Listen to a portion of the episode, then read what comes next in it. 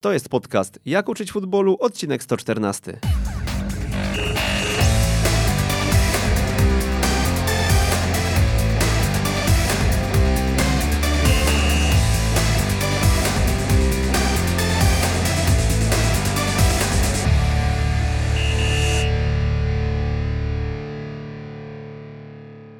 Jak uczyć futbolu, odcinek 114 przy mikrofonie Przemysław Mamczak. Witam e, po raz kolejny. Kilka lat temu zaapelował otwarcie, weźcie mnie do ligi.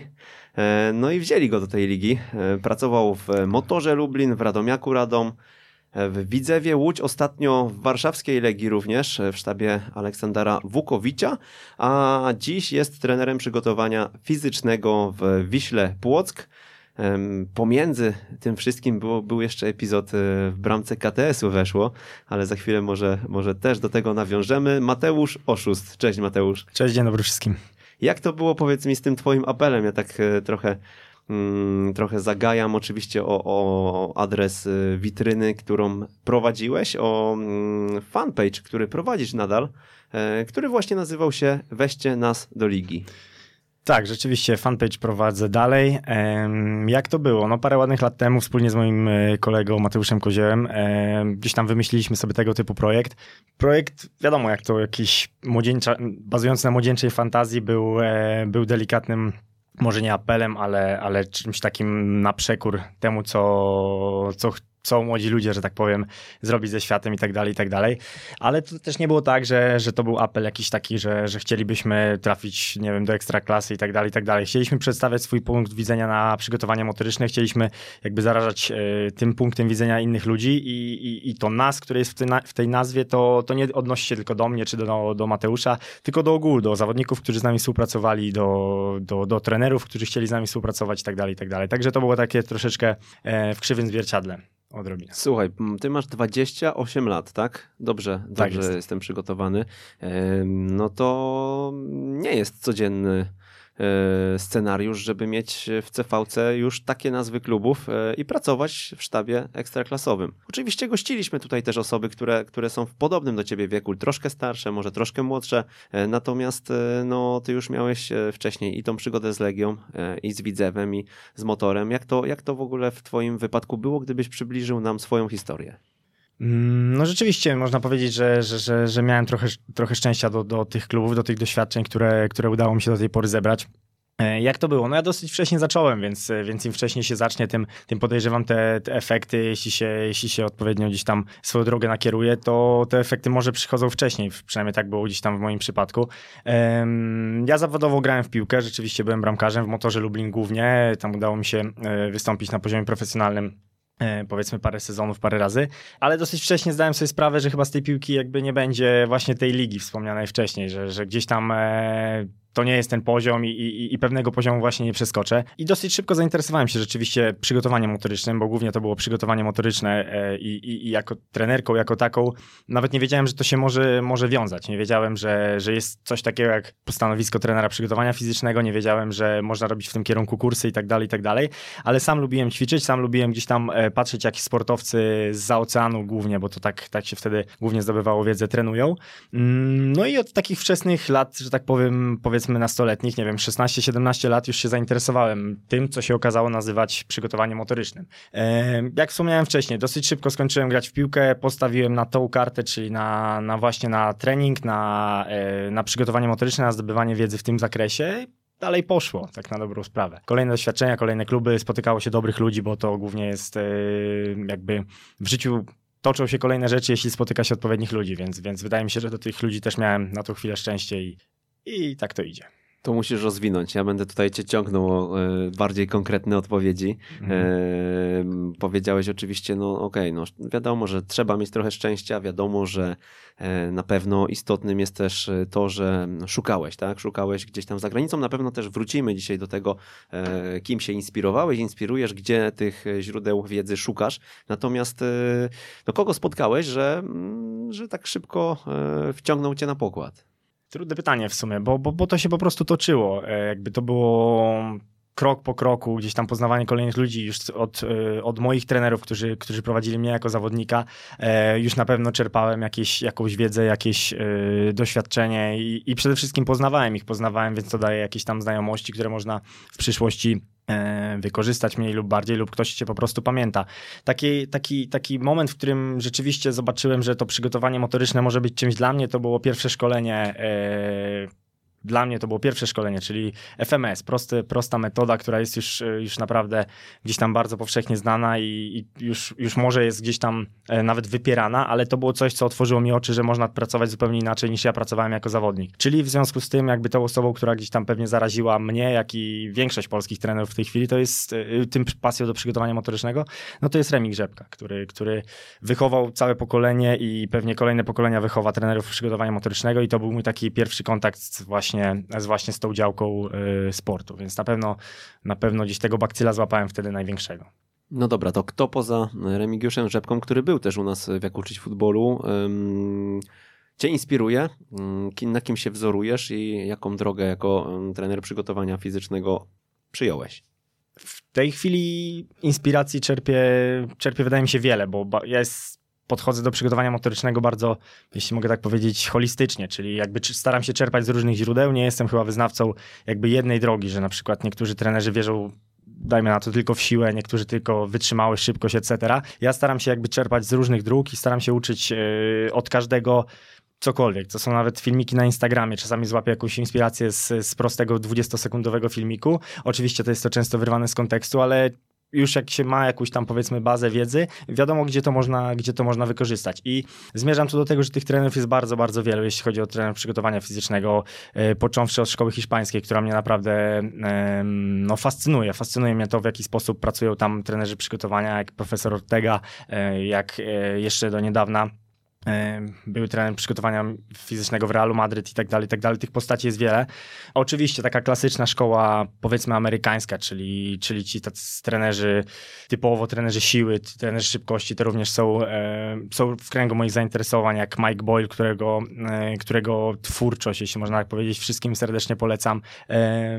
Tak na dobrą sprawę z każdym dniem gdzieś tam czerpię zaczerpuje nowe osoby, bo, bo nawet gdzieś tam uczymy się od siebie e, teraz mm, pomiędzy klubami w ekstraklasie, e, wymieniamy doświadczenia z trenerami i tak na dobrą sprawę ci trenerzy też mnie inspirują, więc, więc nie chciałbym tutaj jakby wymienić, może nie to, że nie chciałbym, ale ciężko mi wymienić jedno nazwisko, które, czy, czy nawet pięć nazwisk, którymi się inspiruję, bo takiego wzorca, e, role model jakby dla mnie, dla mnie nie ma w tej chwili.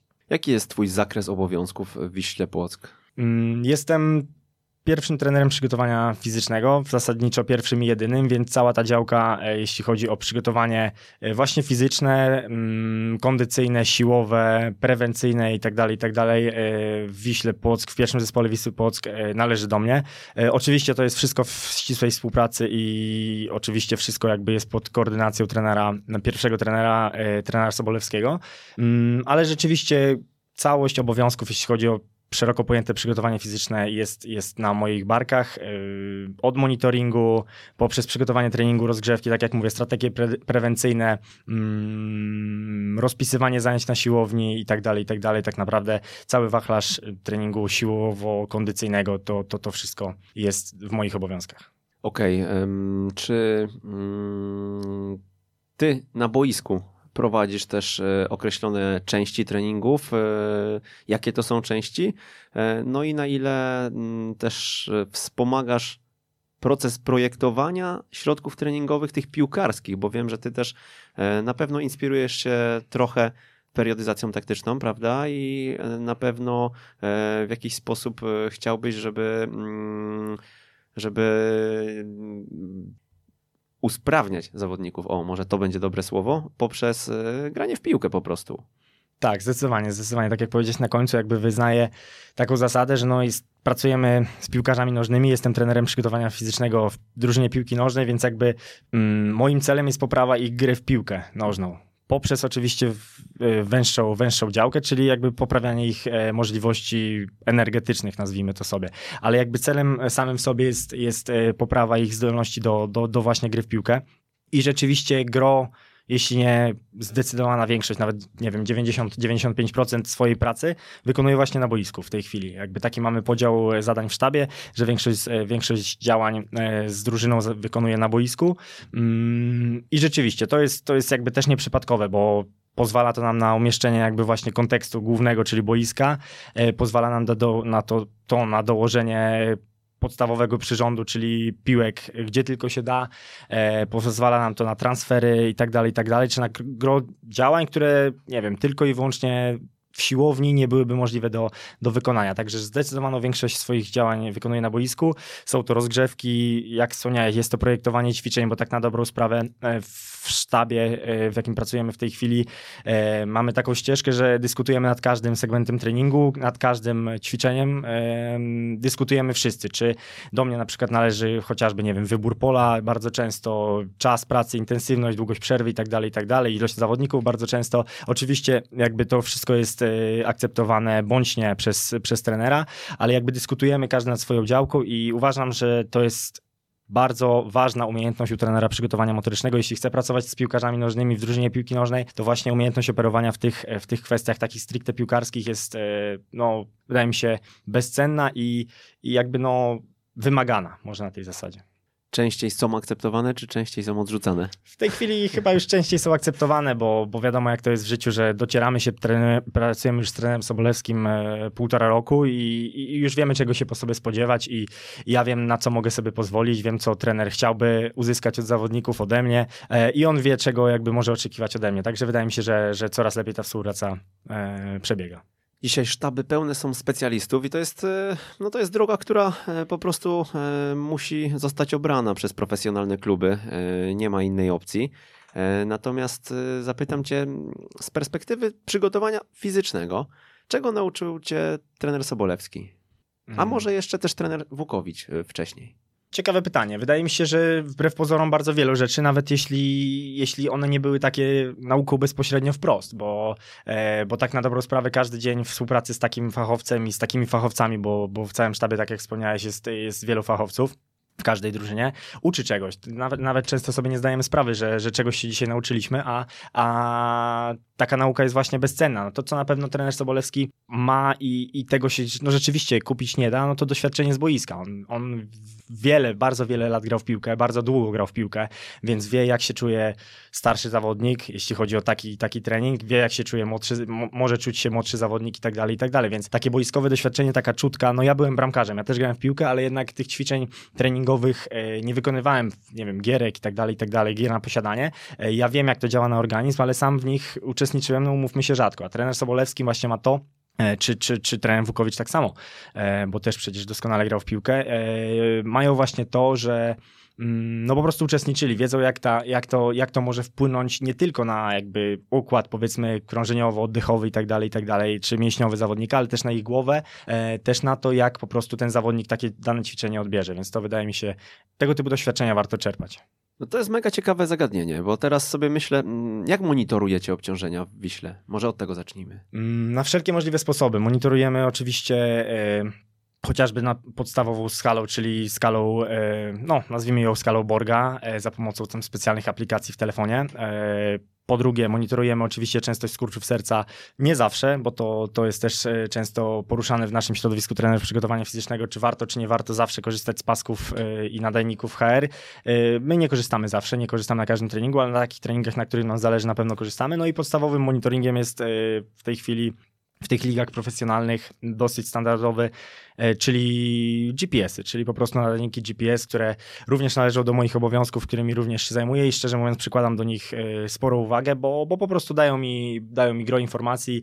Im dłużej się ich używa z daną grupą, tym więcej informacji tak na dobrą sprawę jesteśmy w stanie wyciągnąć i te, te wnioski są trafniejsze, także to jest, to jest bieżący monitoring. Oczywiście do tego jeszcze, jeszcze dodając, są badania krwi, które też wykonuję. E, bieżą, to jest taki monitoring e, praktycznie codzienny, większe badania krwi, które są zlecane przez lekarza i analizowane właśnie wspólnie z lekarzem. Także tego monitoringu jest sporo i, i, i wydaje mi się, że że tędy droga. No właśnie, mm, dlatego e, chciałem to wywołać najpierw, żeby teraz zapytać Cię e, trochę podchwytliwie może o to, co powiedziałeś wcześniej. E, bo jeżeli te badania krwi analizowane z lekarzem się zgadzają, jeżeli wszystko mm, na sport testerach e, wychodzi tak, jakbyście chcieli, jeżeli te wszystkie badania, które robicie, o których, o których teraz wspomniałeś, e, no wskazują, że, że ten zawodnik, czy starszy, czy młodszy, powinien e, dzisiaj, dzisiaj to wykonać, powiedzmy, e, to dlaczego on nie może tego wykonać? Powiedziałeś, że gdzieś tam w głowie może być jakaś bariera, no ale e, jak ją uzasadnić, jak ją uzasadni człowiek, który jest trenerem przygotowania fizycznego, który no, bazuje na nauce jednak, nie? Dokładnie, ale to też nie może być tak, że, że ta nauka nam wyznacza wszystko. I to, tego właśnie się, się, się na pewno nauczyłem pracując już, bo, bo często nam się wydaje właśnie, że przeczytamy jedną, drugą książkę i wiemy wszystko e, i bombardujemy na przykład pierwszego trenera taką wiedzą, że, że jesteśmy tam teoretycznie super przygotowani, a on to często wie, ale podświadomie, bo on to po prostu chociażby przeżył, albo już przerobił to z poprzednimi, z poprzednimi drużynami i tak dalej, i tak dalej. Więc tak jak wspomniałeś, no nie, nie zawsze, pomimo tego, że wszystkie parametry są super, e, ten zawodnik, nie wiem, wygrywa albo jest w życiowej formie. To jest właśnie na tym polega sztuka trenerska, żeby, żeby starać się jakby znajdować odpowiedzi na to pytanie. Ja tej odpowiedzi w tej chwili nie jestem w stanie udzielić, bo to zależy. To jest podstawowa odpowiedź, czyli zależy. Zależy od zawodnika, zależy od, yy, od bardzo, bardzo wielu czynników. Od tego, w jakim stanie jest właśnie, wspomniałeś, psychiczny, może coś w rodzinie, może po prostu, yy, nie wiem, coś nie gra, jeśli chodzi o boisko, a chociaż parametry wszystkie, wszystkie wskazują inaczej. Tak na dobrą sprawę, gdyby tylko o parametry chodziło, to każdy mógłby zostać świetnym trenerem, bo po prostu wystarczy te parametry zbadać, zanalizować, przeczytać jedną, drugą książkę, żeby je zanalizować i znalibyśmy odpowiedzi na wszystkie pytania, ale to właśnie no to tak, nie tylko, są komputery. Tylko, tylko, tylko na najwyższym poziomie te parametry tak. są zbierane, prawda? Bo no, jeżeli mówimy o nawet drugiej, trzeciej lidze i, i tych wszystkich ligach w dół, e, no to te parametry nie są e, tak weryfikowane, analizowane właśnie jak u was e, i właśnie, no i właśnie tutaj jest, jest gdzieś taki znak zapytania, nie? Bo z drugiej strony, jeżeli cała biochemia się zgadza i to wszystko, e, co, o, o czym powiedziałeś, jest ok, e, no to też chyba w tej głowie się też lepiej, łatwiej układa, nie? No bo mm, z czego wynika obciążenie e, głowy? Pewnie też z tego, że mamy za sobą na przykład mecz, tak? Wczorajszy. Jasne. Wczoraj zagraliśmy mecz e, i układ nerwowy też jest obciążony, prawda? No ale to też e, przekłada się na te właśnie parametry, nie? Oczywiście, że tak, oczywiście, że tak. No najważniejszym wynikiem na, właśnie, freudiowska pomyłka. Mm, najważniejszym czynnikiem na poziomie profesjonalnym jest wynik. No jeśli grasz co trzy dni, tak jak w tej chwili gdzieś tam, co 3-4 dni, tak jak w tej chwili jesteśmy z powodu pandemii bardzo często obciążani i wygrywasz te kolejne mecze, to ty wcale nie musisz tych parametrów badać, nawet nie musisz często zawodników pytać, czy się dobrze czują, bo wiadomo, że się czują super, bo, bo wygrali przed chwilą. Kolejny mecz, kolejny mecz i tak dalej. Jeśli wyniki są odwrotne, jeśli nie idzie, no to zmęczenie psychiczne jest przygniatające. Nawet jeśli parametrami będziemy naprawdę na wysokim poziomie, nie wiem, analizy kinematyczne wskazują, że jest super, tak jak wspomniałeś, krew wskazuje, że wszystko powinno być ok, a jednak mimo wszystko, no to jest sport y, jakby bardzo złożony, jeden z najbardziej złożonych pewnie sportów mm, na świecie i, i to złożon, ta złożoność nie pozwoliła wygrać w danym meczu, to to zmęczenie jest tak przygniatające, jeśli chodzi o psychikę, że, że nie jesteśmy w stanie zaaplikować często takiej pracy, jaką byśmy chcieli. Musimy reagować i właśnie tutaj takie doświadczenie trenerskie jest, jest wydaje mi się, kluczowe. Okej, okay, dobra, rozumiemy o co chodzi. E, powiedz mi, mm, co, jaką wiedzę przekazałbyś e, naszym słuchaczom, którą muszą jako trenerzy e, posiąść, Twoim zdaniem, bez względu na to, czy, czy, czy trenują na niższym, czy na wyższym poziomie. Okej, okay, Ty jesteś specjalistą na najwyższym poziomie i, i już wchodzicie naprawdę w, w, głębokie aspekty. Ja nawet śledziłem, przygotowując się do, tego, do tej rozmowy, śledziłem Twój fanpage i gdzieś tam widziałem w komentarzach. I to jest też fajne, jak, jak się czyta wasze rozmowy, czy z Michałem Naulewiczem, czy Michałem Kwietniewskim, czy e, nie wiem, czy tam Kuba Grzęta też czasami gdzieś mi nie mignął. Natomiast e, te komentarze, no jak, jak tak poczytałby e, taki zwykły kibic, to myśli sobie, co, o czym oni mówią, o co tutaj chodzi, bo nawet ja jako trener powiedzmy, no nie rozumiem tam nic, mówiąc szczerze. z tymi waszymi przemyśleniami odnośnie GPS-ów na przykład chyba do tego się odnoszę to już naprawdę, naprawdę wchodzicie na takie pole i I, I, tak, jednocześnie jest to mega budujące, że młodzi ludzie mm, mają takie przemyślenia i e, wymieniają się opiniami na ich temat dzięki internetowi. Zresztą i mi, Michały z Betterwaya już tutaj były e, i Kuba Grzęda też tutaj był, e, więc, więc, więc, więc fajnie, że to tak funkcjonuje. Natomiast e, to już są takie aspekty, gdzie mówimy, wchodzimy, ok, idę ściśle w tą specjalizację i e, kopię, kopię, kopię po prostu tam głęboko. Natomiast e, gdybyśmy się dzisiaj skupili trochę na tej drugiej części, czyli tych podstawach, które twoim zdaniem są najistotniejsze i które każdy właśnie musi, e, musi mieć. Możemy sobie ten wątek trochę rozwinąć i rozciągnąć w czasie, bo myślę, że on jest e, tutaj chyba najbardziej wartościowy. To znaczy, wydaje mi się, że właśnie ciężko jakby określić, jak duża ta podstawa powinna być. No powinna być jak największa, rzeczywiście, czyli e, zaczynając od podstawowej wiedzy fizjologicznej, wydaje mi się, że na każdym poziomie jest ona chociaż trochę niezbędna i tutaj wystarczy czasami, e, nie wiem, kupić jakąś cienką książkę w księgarni sportowej, nie wiem, na zasadzie 50 stron i tak dalej. Ona nam na pewno przyniesie fajny, fajny efekt. Są takie książki mm, zbiorcze, czyli, e, czyli gdzieś tam chociażby dyskutowaliśmy kiedyś nad, e, zdaje się, z tobą na nad książką AWF-u katowickiego, sprawnościowe przygotowanie piłkarzy nożnych, współczesny, współczesny trening y, motoryczny, powiedzmy, na pewno będziemy w stanie gdzieś tam ten tytuł, może nie wiem, zamieścić, czy, czy, czy przypomnieć e, słuchaczom. E, to też jest książka, czy to też jest jakby zbiór wiedzy, która wydaje mi się dosyć istotna. Ona już jest troszeczkę przedatowana, ale, ale pozwoli, wydaje mi się, trenerom na każdym poziomie e, posiąść odrobinę takiej właśnie warstwy teoretycznej, jeśli chodzi o samo przygotowanie motoryczne, które się właśnie przyda i z pracy z dziećmi, i z pracy z, e, i z pracy z seniorami, bo wydaje mi się, że no sam kurs gdzieś tam trenerski no nie wystarczy. No, zmierzam jakby do tego, że, że, że to, że mam UEFA A, B, C nie do końca ym, pewnie wystarczy w tym, żeby rzeczywiście tą warstwę teoretyczną, jeśli chodzi o, o energetykę wysiłku, przygotowanie motoryczne posiąść. I, i fajnie, fajne jest to, że jest gro szkoleń, gro y, ludzi, wydaje mi się, którzy, którzy starają się dzielić tą wiedzą. Niekoniecznie są to, powiedziałem szkoleń, ale niekoniecznie są to płatne źródła. Jest coraz więcej wiedzy w internecie. Chociażby ta moja działalność y, na Facebooku czy, czy na innych mediach społecznościowych, E, chociażby tak jak wspomniałeś, e, chłopaki z Betterwaya czy, czy Speak Performance, jest ich wielu, bo to nie tylko ci tutaj wymienieni. E, właśnie to mamy na celu, żeby trener piłki nożnej, niezależnie na jakim poziomie pracuje, posiadł na tyle szeroką wiedzę, która nie będzie jednocześnie jakaś tam przytłaczająca, żeby z tymi swoimi podopiecznymi efektywniej pracować. I ciężko tutaj jest określić, jak szeroka ta, tak jak powiedziałem na początku, jak szeroka ta baza powinna być, ale każde szkolenie, każda przeczytana strona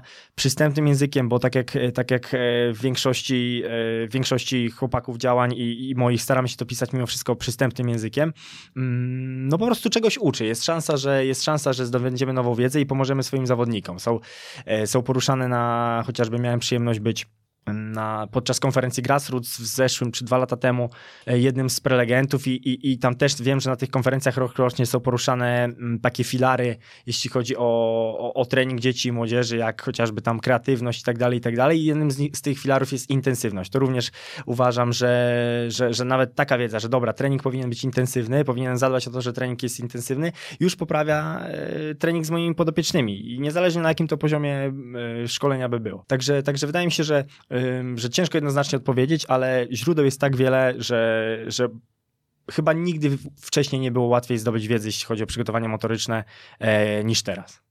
Współczesny system szkolenia w zespołowych grach sportowych pod redakcją Adama Zająca i Jana Chmury. Zerkam sobie tutaj e, w telefon. E, no ja też polecam tą książkę. Ona jest mega wyzwaniem na pewno, bo ona ma 600 stron i to napisanych drobnym maczkiem w formacie A4. Natomiast ja przygotowując się do egzaminu na kursie UEFA, łyknąłem ją całą i powiem szczerze, że no ułożyłem sobie dużo rzeczy w głowie. Pewnie teraz musiałbym je odświeżyć, chociaż mam też chyba ze cztery strony notatek, e, też drobnym maczkiem wypisanych.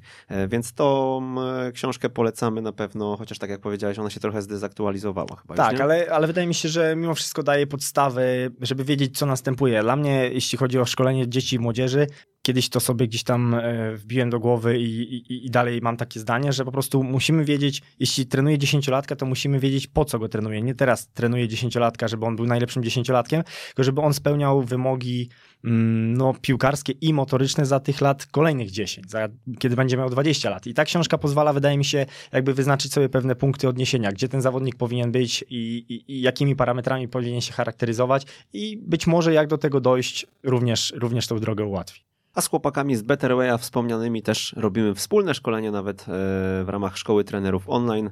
Na ekstratrener.pl ukośnik STO e, znajdziecie wszelkie szczegóły. Szkolenie odbywa się w lutym, więc jeszcze mamy sporo czasu, żeby się zapisać, a na pewno, na pewno będzie bomba z nimi, bo już też rozmawialiśmy o kształcie i e, no, będzie na pewno intensywna praca warsztatowa jak zwykle. Poszliśmy w książki, to może ten wątek poruszmy. Jakie pięć książek poleciłbyś naszym słuchaczom? Mogą być związane stricte z warsztatem, z tym, czym się zajmujesz, ale mogą też to być jakieś tytuły, mm, które po prostu wpłynęły na ciebie, czy, czy, czy warto przeczytać po prostu. Mm, właśnie, właśnie przygotowując się, powiedzmy, wiedząc, że to pytanie zadasz, yy, starałem się nie wybierać stricte takich fachowych książek, ale, ale gdy już ten wątek gdzieś tam pociągnęliśmy, to, to na pewno ta, ta yy, pozycja profesora Zająca jest, jest godna polecenia, bo, bo to jest chyba takie jedyne naprawdę kompleksowe wydawnictwo w Polsce, które podejmuje tę tematykę. Jeśli ktoś nie chce czytać po angielsku, nie, nie umie czytać w innym języku i tak dalej, albo po prostu tak jak mówię, nie chce tego robić, to wydaje mi się, to jest jedna z lepszych pozycji e, na, na, na polskim rynku wydawniczym. Jeśli chodzi o, o inne, innego rodzaju książki motoryczne, powiedzmy, to właśnie po angielsku, ja ją jeszcze czytałem parę ładnych lat temu po angielsku, ale wiem, że już wyszła po polsku, to jest pozycja wspomnianego przeze mnie wcześniej Michaela Boyla. E, to jest chyba nowoczesny, trening, e, nowoczesny trening e, siłowy, to jest New Functional Training for Sport po angielsku. I, i wiem, że jest, jest w tej chwili tłumaczenie już dostępne w polskich księgarniach.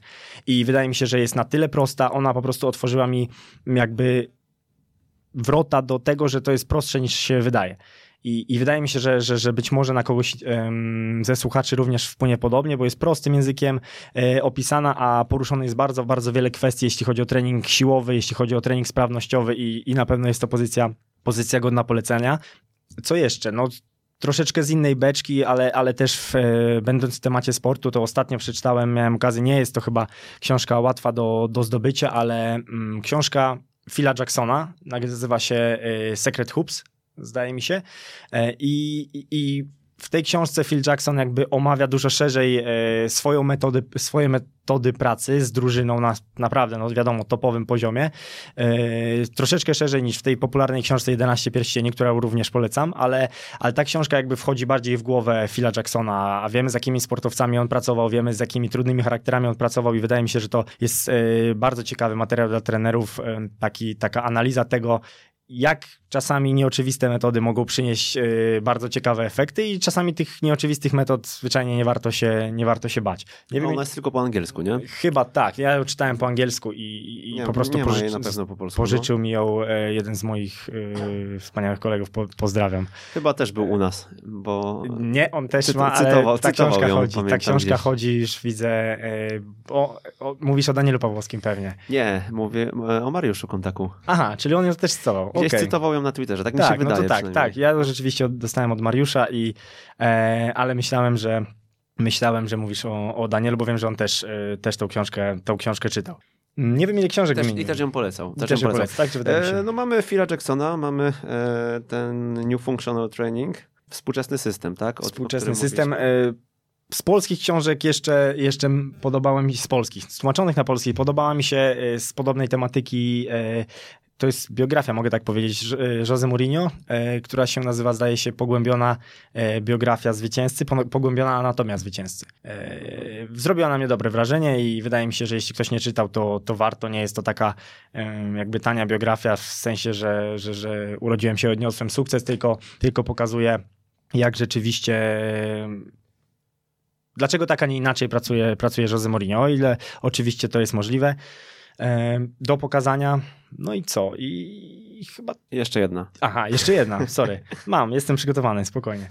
E, po angielsku. Na pewno niezbyt popularną, ale łatwą do zdobycia. E, książką jest książka Breta Bartolomiu. Nazywa się Conscious Coaching. E, jest to trener przygotowania fizycznego, dosyć, dosyć znany w Stanach. Jest to głównie, wiadomo, trener, trener przygotowania siłowego, jak to właśnie w Stanach często wygląda, ale ta książka traktuje o właśnie podejściu do zawodnika, jeśli chodzi o taki, takie buy-in, o wkupienie się w grupę, o wkupienie się za, e, do zawodnika, o, o jakby zrozumienie zawodników. Tam kompletnie nie ma treningu, w treningu, czyli nie ma ile powtórzeń powinieneś zrobić, żeby być silniejszy, tylko jak powinieneś podchodzić do różnych typów, archetypów, on to nazywa, e, ludzkich, charakterów. I, I, wydaje mi się, że to takiej pozycji gdzieś tam na polskim rynku brakuje. Tak jak mówię, wydaje mi się, że naprawdę warto tą książkę, tą książkę znać, e, przeczytać, bo w pracy takiej codziennej z zespołem, niezależnie ile ten zespół, że tak powiem, ma lat, czyli czy pracujemy w kategorii z dzieciakami, czy, czy z seniorami, czy nawet na najwyższym światowym poziomie, to te archetypy zwyczajnie się powtarzają i,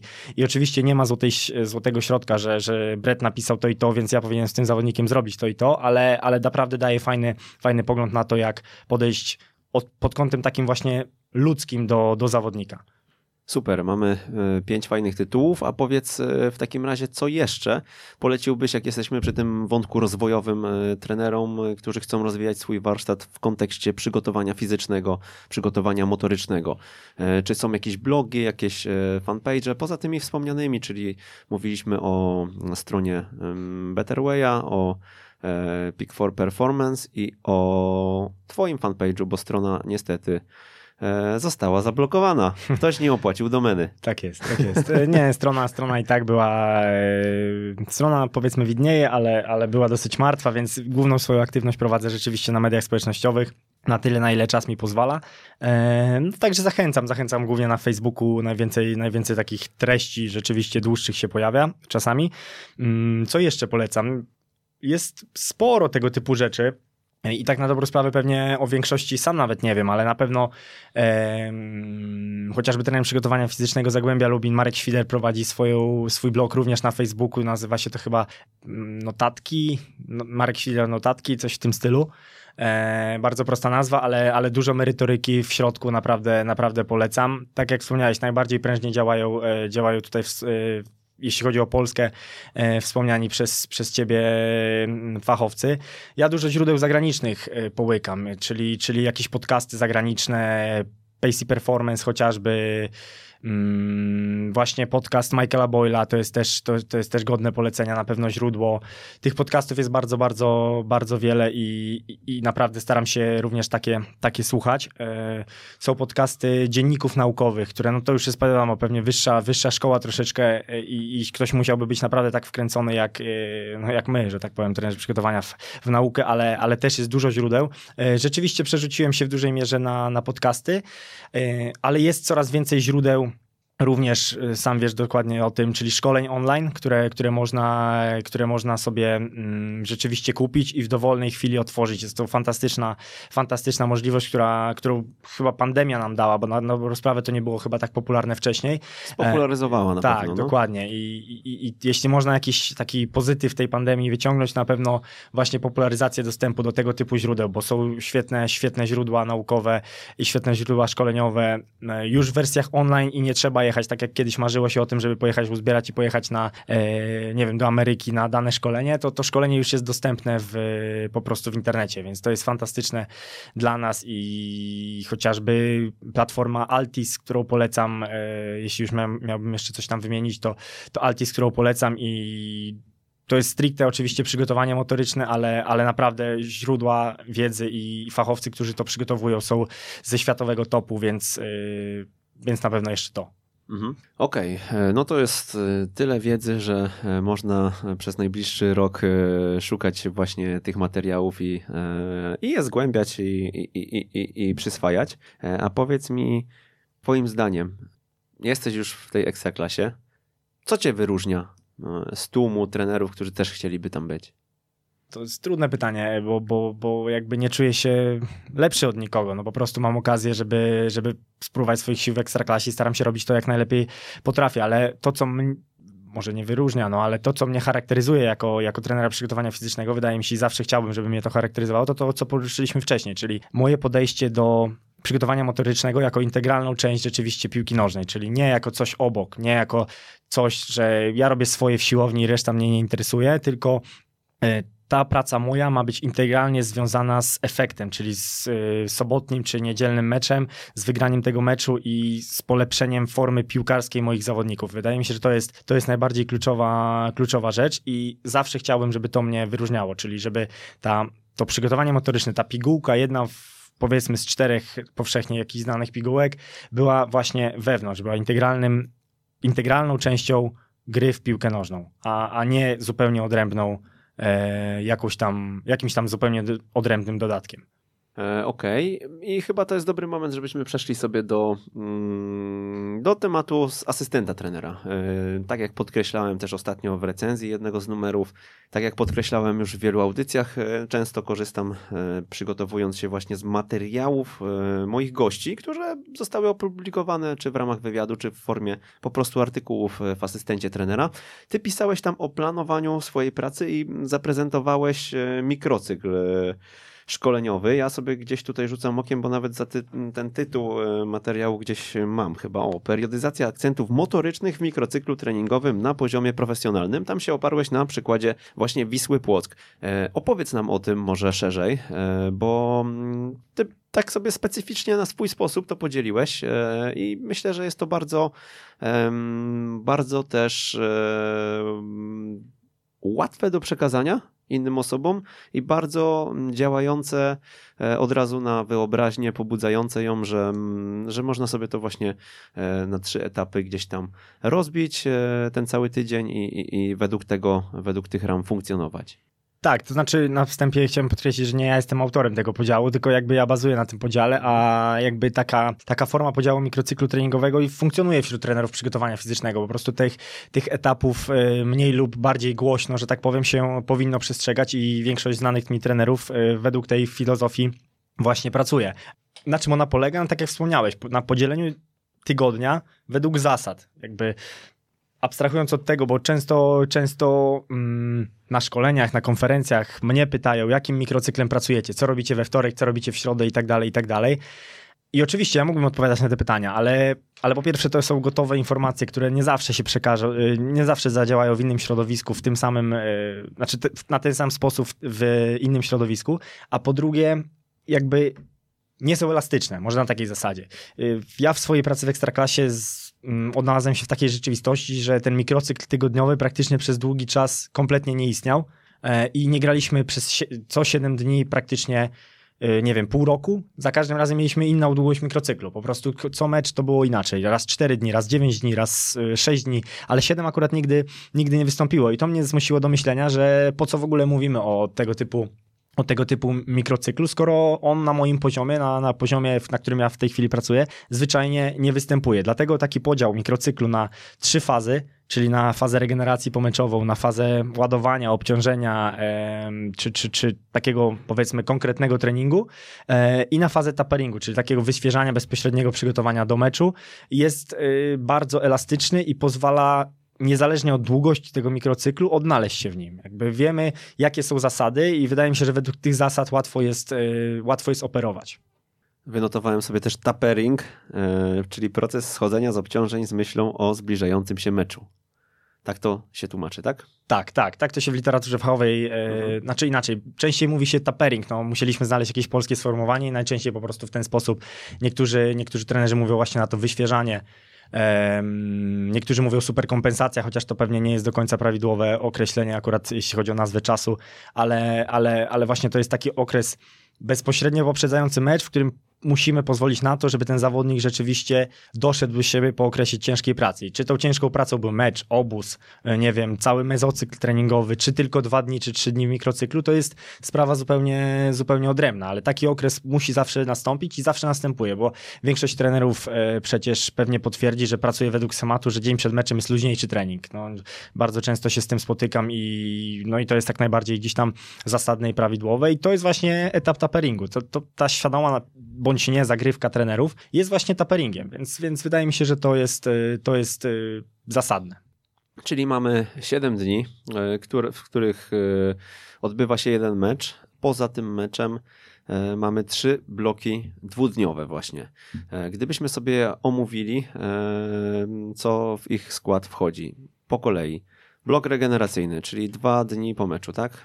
Najczęściej dwa dni po meczu tak się, tak się uznaje, bo, e, bo to oczywiście jak zwykle zależy. Zależy od tego, na moim powiedzmy poziomie, zależy od mm. tego, jak wyszły chociażby parametry i tak dalej, i tak dalej, więc to pozwala nam jakby troszeczkę sterować długością tego bloku. Czasami powinien być krótszy, czasami dłuższy, bo być może to może powinno być trzy dni, e, gdyż tego trzeciego dnia okazuje się, że zawodnicy jeszcze nie doszli do siebie po meczu. Zmierzam do tego, że po prostu mm. znowu zasada jest taka, że po meczu następuje regeneracja. Najczęściej dwa dni uznaje się, że w większości przypadków wystarczają do tego, żeby, e, żeby zawodnicy doszli do siebie po meczu. Jest to nieodzowny element mikroprocesu w ogóle treningowego, no bo mecz jest dużym bodźcem. Mecz jest dużym bodźcem także treningowym dla organizmu, więc po ciężkim treningu, jakbyśmy robili najcięższy trening, jaki jesteśmy w stanie sobie wyobrazić, również następne treningi podejrzewam, że będziemy planować lżejsze. I to jest dokładnie tak samo, czyli po ciężkim treningu, jakim jest mecz, następuje proces regeneracji, który jest bardzo ważny z punktu widzenia, tak jak mówię, adaptacji treningowej, żeby podnosić formę sportową, bo metoda startowa to też jest metoda treningowa, jak, jak dobrze wiemy gdzieś tam z teorii sportu, ale też działa prewencyjnie na urazy, działa też prewencyjnie przede wszystkim na, e, na głowę, bo po meczu albo chcielibyśmy chwilę się pocieszyć z tego meczu, albo chcielibyśmy troszeczkę gdzieś tam e, zejść z tego doła, który, który mamy po przegranym meczu, także bardzo ważny, bardzo ważny aspekt regeneracji zarówno mentalnej, jak i fizycznej tutaj. Wolisz dać dzień e, wolny po meczu od razu, czy, czy dwa dni po meczu? Czyli mm, ta druga, druga opcja, tak jak powiedziałeś, no jest, są różne szkoły, nie?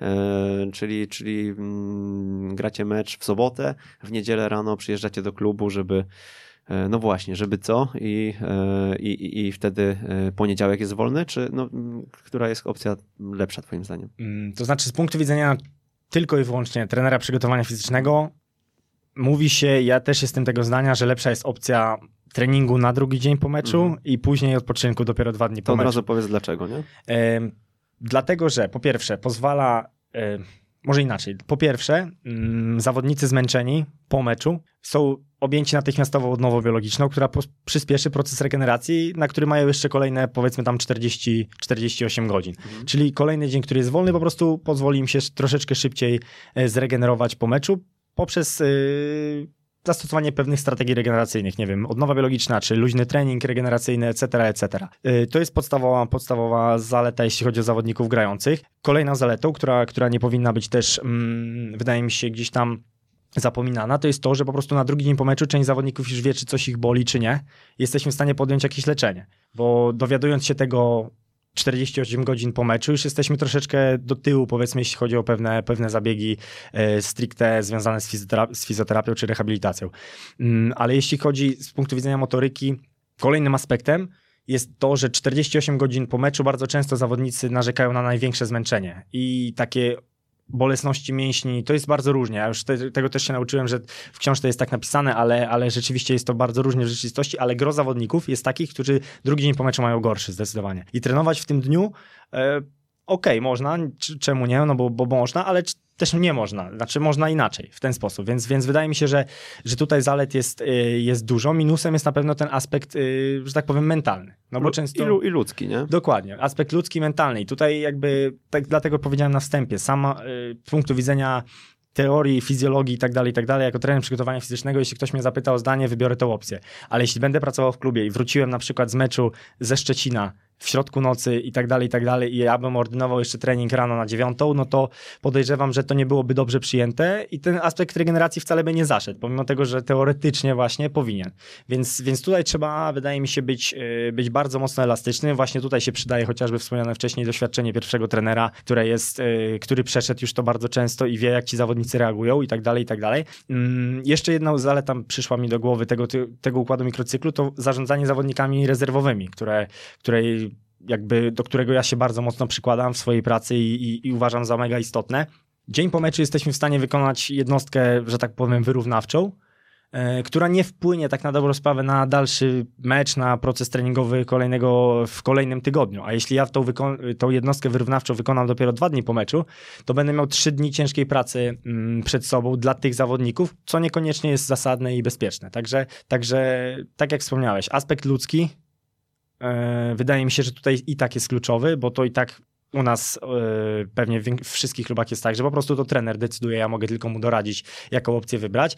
Yy, I bardzo, ten, bardzo często ten aspekt ludzki po prostu wygrywa, bo, bo, bo Bo to jest ważniejsze. No tak, znamy te obrazki, gdzie tam właśnie, tak jak powiedziałeś, e, z długiego wyjazdu o 6 czy 7 rano ktoś e, przyjeżdża i wskakuje na jakieś rowerki jeszcze, ale tak się zastanawiam, to tylko jest decyzja trenera, czy rozmawiacie też z zawodnikami, żeby szatnia podjęła tą decyzję, bo myślę sobie, że no taki zawodnik e, o tej godzinie 7 rano po całej nocy podróży no jest już w kiepskim, w kiepskim stanie, natomiast myśli sobie, dobra, jeszcze tą godzinę czy godzinę z hakiem e, takiej ostatniej prostej przycisnę, a potem dwa dni e, luzu, można się wyspać, można spędzić czas z rodziną, nie? No to też, też, też gdzieś tak z tej perspektywy być może niektórzy wolą, wolą tą robotę po prostu załatwić, jeżeli można to zrobić właśnie wtedy rano, a nie przyjeżdżać do klubu gdzieś tam po też innym spaniu, nie? No bo to też, też, też jak ktoś przyjeżdża mm, po nocce w autokarze, no to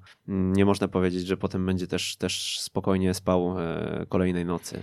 Mm, dokładnie, jakby i tak decyzję podejmuje trener. To jest, y, to jest zawsze. No, może się poradzić mnie, może się poradzić as innych asystentów, ale może się też poradzić szatni, rzeczywiście, jak panowie byście woleli i tak dalej, i tak dalej. I to jest zupełnie, zupełnie normalne, że, że jakby oddaje część decyzyjności e, czy, czy, czy, nie wiem, doradztwa e, zawodnikom i bardzo często z takich rad korzysta i, i przychyla się do tego typu próśb, bo rzeczywiście często jest tak, że zawodnicy mają w perspektywie zrobienie jednostki, nie wiem, o... chociaż my nie mamy takiej sytuacji, bo śmiejemy się, no w Płocku jesteśmy całkowicie w centrum Polski, śmiejemy się, że mamy wszędzie, nasz kierowca mówi, że wszędzie mamy do każdego miasta 4 godziny. I co by się nie działo, to zawsze wracamy o jakiejś takiej w miarę ludzkiej porze, że ten trening nie jest e, zupełnie pozbawiony sensu. Tak jak, tak jak mówię, nie wracamy, raczej nie zdarzyło nam się wrócić o 6 rano z meczu i robić treningu o 7, mm, tylko gdzieś, ta, gdzieś te, te, te, te mm, zasady są, są w miarę zachowane, ale wydaje mi się, że tak jak wspomnieliśmy wcześniej, tutaj bardzo dużym czynnikiem jest czynnik ludzki, to, czego, co wolałaby szatnia, co wolałaby, nie wiem, trener, trener przygotowania, mm, jaki ma to wpływ na kolejny cykl przygotowań, no bo ciężko też sobie wyobrazić, jeśli, yy, nie wiem, chociażby wolny dzień, jeśli gralibyśmy, nie wiem, pojutrze i tak dalej. To też zależy bardzo mocno od mikrocyklu. No, czasami jest tak, że jesteśmy zmuszeni trenować, co by się nie działo, ale no jest to elastyczne. To też nie jest tak, że świat się zawali, a często ma dużo bardziej pozytywny wpływ na zawodników ten dzień wolny, czy odpuszczenie nawet, wiedzą, że mają trening, a nagle tego treningu nie mają, ma bardzo pozytywny wpływ na zawodników i oni wiedzą, że dostali jakąś tam formę, nie wiem, nagrody, jeśli można tak powiedzieć i muszą dać sobie więcej poprzez to, bo czują się do tego zobowiązani. Rzeczywiście zawodnicy tak do tego podchodzą. Przechodzimy do kolejnego bloku w takim razie. E, blok obciążenia, czyli e, mecz plus 3, mecz minus 3. Chociaż rozmawialiśmy też o tym, że gdzieś tam w Portugalii takiego zapisu by nie przyjęli, nie? Tak, tak. Tak jak rozmawialiśmy mm, w Portugalii po meczu oznacza się mm, match day plus 1 plus 2, a później już od minus 4 przygotowujemy się do kolejnego meczu. Natomiast no już tutaj y, abstrahując od takich niuansów, e, bo wiadomo o co chodzi, 3 dni po meczu, 3 dni przed meczem e, to jest właśnie blok obciążenia. Mm, tak jest, tak jest. No to, to, znowu to zależy od długości mikrocyklu, tak na dobrą sprawę, bo jeśli ten mikrocykl byłby dłuższy, to ja sam bym napisał me, e, match day minus 4, e, a match day minus 3 stałby się nagle treningiem kolejnym, nie wiem, treningiem regeneracyjnym czy coś w tym stylu. E, także tutaj jest troszeczkę, tak jak wspomniałeś, to bardziej takie niuanse teoretyczne, stricte egzaminacyjne, ale tak, rzeczywiście no to jest z punktu widzenia pracy treningowej no najważniejszy cykl, w którym powinniśmy tak obciążyć zawodnika, żeby on był żeby jego zdolności wysiłkowe w kolejnym meczu były większe niż w poprzednim. Nie tylko wysiłkowe, ale też techniczno-taktyczne, bo tutaj się odbywa też gro pracy właśnie e, techniczno-taktycznej w tych, w tych dniach. Mm, bardzo ważny dzień, rzeczywiście. Tutaj metodologie pracy są bardzo różne, bo niektórzy, e, nie wiem, tutaj obciążają treningiem dwufazowym w obu dniach, niektórzy w jednym, niektórzy w żadnym, e, niektórzy robią małe gry, niektórzy nie i tak dalej, i tak dalej, więc tutaj jakby tego nie chciałbym dotykać, bo każdy trener ma, ma swoją chyba filozofię i, i nie musimy się się tutaj wszyscy zgadać, ale rzeczywiście kluczowy dzień, w którym obciążenie powinno pozwolić na to, żeby w kolejnej fazie, w fazie taperingu było z czego schodzić, a to zejście z obciążeń spowoduje właśnie super kompensację. To, to, to mm, zjawisko, które odbudowy powiedzmy z nadmiarem, które pozwoli zawodnikowi być lepszym niż w poprzednim meczu, chociażby o procencik. Powiedziałeś, napisałeś e, w tym artykule, że trzy dni przed meczem e, czasami stosujecie pracę dwufazową. E, kiedy? Dwa treningi właśnie aplikujecie i wobec jakich, e, wobec jakich czynników e, się na to decydujecie? Powiem szczerze, że w naszej pracy e, w tej chwili, czy, czy, czy po prostu w tym sztabie, ogólnie rzadko trenujemy dwufazowo. Wbrew pozorom jest to, jest to, nie jest to częste. Jeśli już tak jest, to rzeczywiście z jakiejś konkretnej przyczyny, nie wiem, chcemy dodatkowo jednostkę siłową na przykład zrealizować w oddzielnej siłowni, nie mamy w klubie takich możliwości, żeby właśnie zrobić to wszystko idealnie płynnie. Bardzo często pracujemy po prostu ze sprzętem, jakby wynosimy sprzęt na boisko i tam pracujemy. A jeśli naprawdę zależy nam na, na wykonaniu jakiejś dodatkowej pracy takiej stricte motorycznej, no to wtedy decydujemy się na, na jednostkę dwufazową.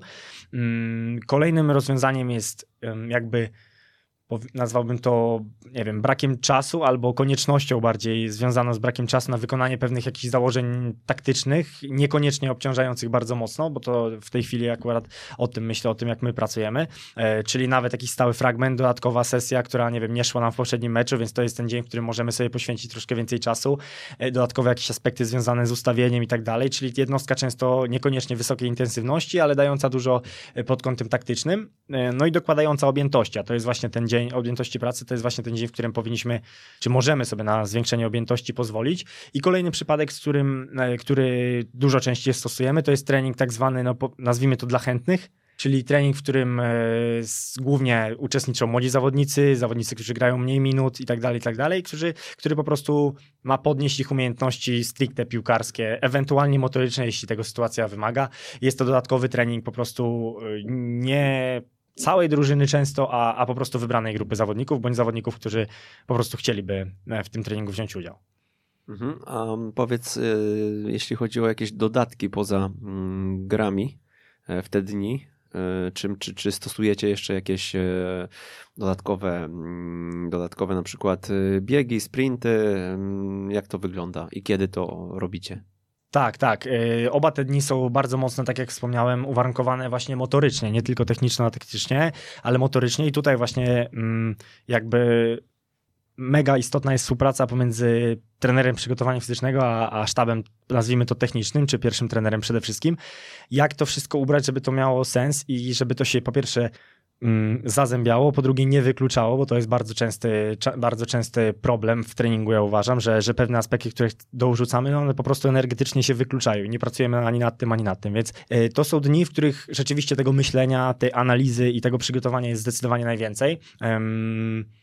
jakie aspekty poruszyć w, po, w, poszczególnych dniach? I zdecydowanie tak, zdecydowanie oczywiście staramy się jak najwięcej, czy ja się staram jak najwięcej środków treningowych mimo wszystko przygotowywać z piłką, E, oczywiście, tak jak mówię, w sztabie technicznym już, już ta piłka po prostu dominuje, ale jeśli się nie da, jeśli pewne aspekty wymagają tego, żeby zrobić je bez piłki, no to, to się decydujemy na taki ruch i, i są to rzeczywiście, no, chociażby jakby to ująć. No jednego dnia skupiamy się głównie na przyspieszeniach, skupiamy się głównie na takiej pracy siłowej czy, czy, czy dynamicznej, ale na krótkich dystansach, co w periodyzacji taktycznej e, jest popularne jako ten dzień siły, nazwijmy to sobie. I, i rzeczywiście ja ten dzień jako taki dzień siły traktuję, czyli, czyli skupiamy się na małych przestrzeniach bardzo często, e, skupiamy się na krótkich e, wysiłkach, właśnie jeśli chodzi o sprinty, jeśli chodzi o przyspieszenia, dużo hamowań i tak dalej, i tak dalej, dużo takich wysiłków eksplozywnych. Kolejnego dnia jest jakby wajcha przerzucona w zupełnie innym kierunku, czyli jest to bardziej prędkość e, na dłuższych dystansach, te gry są zdecydowanie większe, to obciążenie pracy jest takie bardziej, jeśli chodzi o wytrzymałość, to, to nazwijmy ją mieszaną czy tlenową bardziej nawet, także, także zupełnie dwa aspekty mm, jakby energetyczne poruszamy oddzielne w oddzielnych dniach. Więc te dni są dla mnie osobiście z punktu widzenia trenera przygotowania no, takim polem do popisu, czy, czy, czy, czy, czy po prostu no, miejscem na pracę, miejscem, w którym ja pracuję zdecydowanie najwięcej i, i, i w tym miejscu mam jakby możliwość wpłynąć na zawodników najbardziej. Okej, okay. i ostatni blok e, taperingu. Dwa słowa jeszcze o nim. Blok taperingu, tak jak wspomniałem, tutaj jest również e, wiele szkół, może w ten sposób, bo, bo sama periodyzacja taktyczna, oczywiście ona uznaje zejście z obciążeń e, gdzieś tam. Ja nie chcę tutaj e, wychodzić na jakiegoś, e, nie wiem, znawcę periodyzacji, bo to nie jest absolutnie moja rola, ani, ani tak też nie jest, ale, ale w każdej filozofii, tak jak wspomniałem, przed meczem następuje zejście z obciążeń. Z tym, że tutaj są, jakby mm, są dyskusje na temat tego, czy ten dzień minus dwa powinien być jeszcze taką pracą, nie wiem, szybkościową, dynamiczną i tak dalej, i tak dalej, czy może już nie, czy może ten dzień, dzień przed meczem powinien być mocniejszy od tego minus dwa i tak dalej. Tutaj e, tak na dobrą sprawę tych filozofii jest wiele.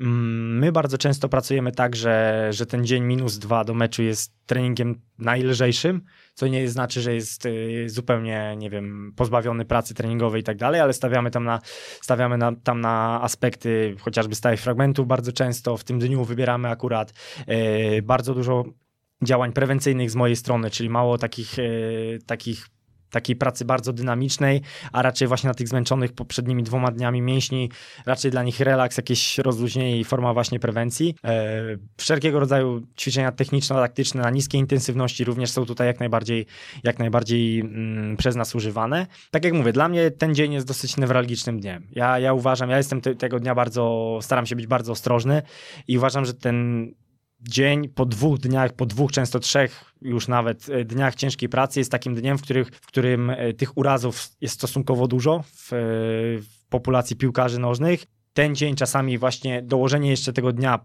nie pozwala czasami zawodnikom na wyświeżenie się do meczu, bo ten jeden dzień jest gdzieś tam za dużo pracy, za mało odpoczynku czasami. Także ten dzień jest dla mnie bardzo, bardzo newralgiczny, bardzo do niego gdzieś tam podchodzę, akurat do tego dnia podchodzę dosyć kategorycznie, bym powiedział. Jak w innych sprawach jestem elastyczny, to tutaj troszeczkę, troszeczkę często dyskutujemy na ten temat y, jakby bardziej mm, na zasadzie tak albo nie. I tyle. No i, i tak jak mówię, to, to jest taki mój konik, gdzieś tam ten e, dzień meczowy minus dwa i, i mam wokół niego swoją jakąś tam teorię i, i metodę pracy. E, w związku z tym kolejny dzień jest troszeczkę dniem takim bardziej aktywacyjnym, ale już bardziej ukierunkowanym na pracę dynamiczną. E, nie jest to taki właśnie rozruch, że, że przychodzimy, gramy w dziadka i idziemy do domu, tylko, tylko znajdują się tam akcenty nawet mocy, znajdują się tam akcenty nawet, czy nawet przede wszystkim szybkościowe, intensywne, wymagające myślenia, taki pobudzający, pobudzający trening. Ale ten dzień meczowy minus dwa jest zdecydowanie treningiem spokojniejszym. Pięknie sobie to usystematyzowaliśmy, poukładaliśmy, a ja teraz trochę roz, rozsypię te klocki i zacytuję znowu asystent trenera e, i artykuł e, wspominany, analizując terminarz zespołu Wisły Płock, w której obecnie pracuje, jak też pozostałych zespołów Ekstraklasy, okazuje się, że od początku rozgrywek w lipcu 2019 roku przez kolejne 4 miesiące aż do listopada siedmiodniowy uznawany za standardowy mikrocykl nie wystąpił ani razu. Następujące po sobie kolejne, kolejki rozgrywek w tym czasie przyszło nam rozgrywać w odstępach od 4 do nawet 9 dni. No i co z tym fantem w takim razie? Jak, to, e, jak tu zareagować? Bo no to aż e, szokujące, nie? że e, w sumie przeanalizowałeś ten terminarz i nie było ani jednego mikrocyklu siedmiodniowego. Tak, i później wcale nie było inaczej, bo jak wiemy, ja ten artykuł właśnie zacząłem pisać, y, tu podejrzewam, że jeśli będzie słuchał Marcin Papież się troszeczkę uśmiechnie, bo zacząłem pisać bardzo wcześnie, a skończyłem bardzo późno. I rzeczywiście to, to zdanie pisałem wtedy, y, oddałem dużo później, ale to się w sumie nie zdezaktualizowało, bo przez pandemię graliśmy jeszcze w bardziej dziwnych okolicznościach i, i, i tak na dobrą sprawę ten e, cały poprzedni sezon i ten sezon to jest wielki test dla trenerów przygotowania fizycznego, czy może nie test, bo to nie o to chodzi, ale wielkie pole do popisu, jak to wszystko poukładać. No i nikt nie wie, jak to poukładać tak na dobrą sprawę. I dlatego ja uznaję, bo, bo takiej sytuacji nie było. Ona jest, ona jest bez precedensu. I ja uważam, że w tej pracy mogą nam pomóc tylko i wyłącznie zasady, ale ogólne zasady, takie, które właśnie wyznaczyłem gdzieś tam w tym artykule, czyli po meczu musi nastąpić regeneracja, przed meczem musi nastąpić regeneracja, tapering. Jeśli mam czas, to w międzyczasie pracuję. Ale to jest właśnie jakby te dwa zewnętrzne bloki są w takim skróconym, skondensowanym mikrocyklu kluczowe, bo, bo, bo ten jakby mecz do meczu jest, no nie wiem, cztery dni, no to tak na dobrą sprawę tam ciężko gdzieś tam podnosić jakieś możliwości wysiłkowe pomiędzy tymi meczami, a skupiamy się na tym, żeby doprowadzić zawodników od jednego do drugiego. Jakby, żeby oni byli zdrowi i byli w stanie co cztery dni czy co trzy dni podjąć, e, podjąć wysiłek. Analogicznie jest w drugą stronę. No jeśli wiem, że e, najpierw po meczu występuje mm, faza czy blok regeneracji i później faza pracy, po dwóch powiedzmy dniach, faza, dwóch dniach fazy pracy chociażby e, powinien nastąpić znowu odpoczynek, no bo, bo, bo tak gdzieś tam e, by nam ta metodyka wskazywała, no to to nam określa długość jakby mikrocyklu. Jeśli ja mam mikrocykl długi, mogę sobie być może pozwolić na dwa bloki pracy w tym wewnątrz, przedzielony jakimś tam dniem czy, czy, czy, czy, czy dwoma dniami, nie wiem, wypoczynku. Także tutaj jakby ta, ta, ta, ta wprowadzenie tych zasad, tych bloków ma tylko i wyłącznie pomóc być bardziej elastycznym. I, i, I tylko na tej zasadzie da się pracować, bo tak jak wspomnieliśmy na początku,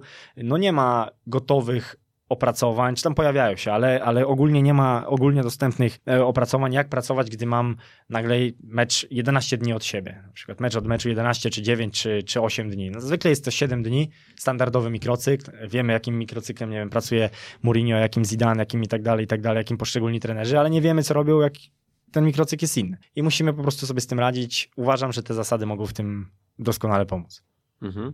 E, powiedzmy może o prezencie jeszcze e, w tym momencie, bo on też się tyczy mm, planowania i mikrocyklu. Przykładowe układy mikrocykli e, treningowych dla różnych kategorii wiekowych przygotowałeś dla naszych słuchaczy, oczywiście z uwzględnieniem akcentów motorycznych. Tak, tak, głównie, głównie akcenty motoryczne. Tak jak wspomnieliśmy wcześniej, no nie ma gotowych rozwiązań, ale, ale jakby będą Państwo mieli, mieli możliwość e, podejrzenia tego, jak mógłby wyglądać poszczególne, jak mógłby wyglądać poszczególne tygodnie pracy e, w pracy z 10-latkami, w pracy z 15-13-latkami i w pracy już na wyższym poziomie. Takie, takie rzeczy jak najbardziej udostępnimy. Super. Taki materiał e, oczywiście otrzymują wszyscy, którzy są zapisani na nasz newsletter.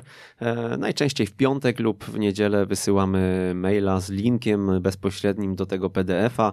E, w zależności od szkoleń, które gdzieś tam odbywamy w, w dany weekend. Natomiast jeśli jeszcze nie ma Was na liście, ekstratrener.pl ukośnik newsletter, zachęcam. O tam się zbiera już e, materiał na, na książkę. Co prawda trochę te materiały są oderwane od siebie oczywiście, e, bo każdy odcinek jest inny, każda osoba, która tutaj do nas przychodzi jest inna, ale ale, ale, ale na pewno mnóstwo fajnej wiedzy, którą e, warto sobie też e, przeanalizować. To zahaczę jeszcze o temat piłkarzy amatorów albo po prostu zawodników na trochę niższym poziomie niż ekstraklasa. E, mam trzy jednostki treningowe. Jak byś przydzielił je do tych poszczególnych bloków i na czym byś, byś się tutaj skupił? Tak ogólnie, no bo oczywiście znowu możemy tutaj szukać dużych różnic, mówić, że to zależy, no bo zawsze będzie zależało od wielu czynników, ale tak, tak ogólnie, gdybyś, gdybyś, gdybyś miał to przypisać do tych bloków, które sobie dosyć szeroko omówiliśmy. Wydaje mi się to dosyć ciekawe pytanie, bo rzeczywiście no, trzy jednostki treningowe w tygodniu nie ma, nie ma jak poszaleć. Jednocześnie jako trenerzy chcielibyśmy jak najbardziej wpłynąć na zespół, więc być może warto z któregoś z bloków e, zrezygnować. Czyli, czyli być może, skoro, skoro ten trening regeneracyjny jest takim treningiem, no powiedzmy właśnie, właśnie regeneracyjnym, na którym zbyt dużo swojej wiedzy, zbyt dużo mm, jakichś pomysłów techniczno-taktycznych nie sprzedamy zawodnikom, ani motorycznych, to być może, że to jest ten blok regeneracyjny mógłby być do odbycia przez zawodników zawodników, że tak powiem, indywidualnie, a spotkać się już w bloku, yy, że tak powiem, pracy i bezpośredniego przygotowania do meczu. Taka strategia pozwoliłaby nam po prostu jak najbardziej wpłynąć na zawodników yy, i no, rozwijać ich po prostu piłkarsko, bo, bo, bo odpoczywać można teoretycznie indywidualnie, można w domu. Oczywiście pewnie część trenerów e, pracujących w takich realiach się ze mną nie zgodzi, no bo powiedzą to jak to, to w sobotę mamy mecz i mamy się następnym razem spotkać tam, nie wiem, w środę czy we wtorek, no trochę duża przerwa, ale, ale być może to jest jakieś rozwiązanie na to, żeby, żeby móc cały czas bodźcować zawodników, żeby ta frekwencja na treningach była utrzymana, bo te urazy wtedy będą pojawiały się zdecydowanie mniej niż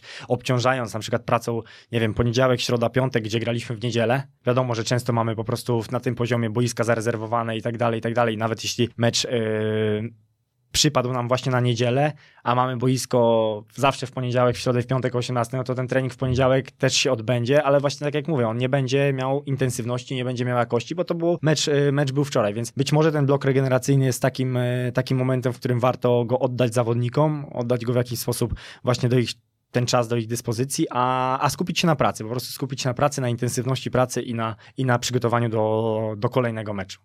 Okej, okay, to podsumujemy sobie, e, podsumujemy sobie chyba e, naszą, nasze spotkanie e, i naszą rozmowę na temat tego mikrocyklu. Cytatem Mateusza Oszusta. Nie ma złotego przepisu na doskonały mikrocykl treningowy. Każda z przedstawionych koncepcji ma swoje wady i zalety. Jednak znając jego budowę i zasady, łatwiej będzie nam poruszać się planując cotygodniową pracę w gąszczu ligowych spotkań. E, o tym trochę mówiliśmy, ale, ale tak wa chyba warto o tym e, pamiętać i warto, żeby nasi słuchacze też wiedzieli, że, że właśnie to jest tutaj kluczem. Tak jest, tak, tak, tak mi się wydaje, że, że, że no ja nie chciałbym tutaj uchodzić za alfę i omegę, wręcz przeciwnie, ja chciałbym się cały czas y, uczyć i jakby czerpać wiedzę i być może te rozwiązania są lepsze gdzieś tam y, niż te, które podałem, ale wydaje mi się, że właśnie takie elastyczne podejście, takie, takie rozumienie zasad, ale nie stricte przestrzeganie pewnej, nie wiem, religii, że tak powiem, schematu pracy, który musi być, niekoniecznie wydaje mi się, że, że jest odpowiednim rozwiązaniem.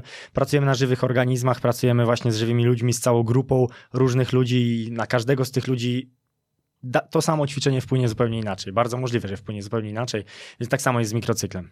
A powiedz o pandemii jeszcze. E, wspomniałeś ten temat, e, że, że, że, spotkaliśmy się z czymś, czego mm, no, trudno było w ogóle przypuszczać, że takie coś się może wydarzyć i z perspektywy twojej na pewno e, też ciekawe doświadczenie. E, ale po, gdzieś, gdzieś w którymś z materiałów e, powiedziałeś, że liczyliście ile wyskoków, zwrotów, sprintów e, zawodnicy wykonują w meczach i na, tego, na podstawie tego proponowaliście im obciążenia. Jak to liczyliście? To mnie ciekawi. Na podstawie GPS-ów właśnie mhm. i to jest fantastyczna możliwość, że, że, że, mamy taką możliwość, żeby po prostu porównać dane z poszczególnych dni, z poszczególnych tygodni, no i przede wszystkim z dnia meczowego i mniej więcej podobnie starać się planować pracę, nawet taką indywidualną bez piłek, czyli jeśli na przykład okazuje się, że nie wiem, w danej grze to jest liczba, liczba że tak powiem wystrzelona, ale w, danej, w danym dniu zawodnik wykonał 100 wyhamowań. Mhm. i tydzień po tygodniu mniej więcej wokół tej liczby oscyluje, no to jeśli ja e, przez w 3 miesiące, może nie 3 miesiące, ale 6 tygodni zaaplikuję im e, dużo niższe obciążenia, no to kiedy oni wrócą na to obciążenie, no to będzie dla nich szok dla ich organizmu. Więc po prostu mhm. staram się te 100 wyhamowań e, przysłowiowe, że tak powiem. Ale to co, piłkarze w ogródku gdzieś u siebie e,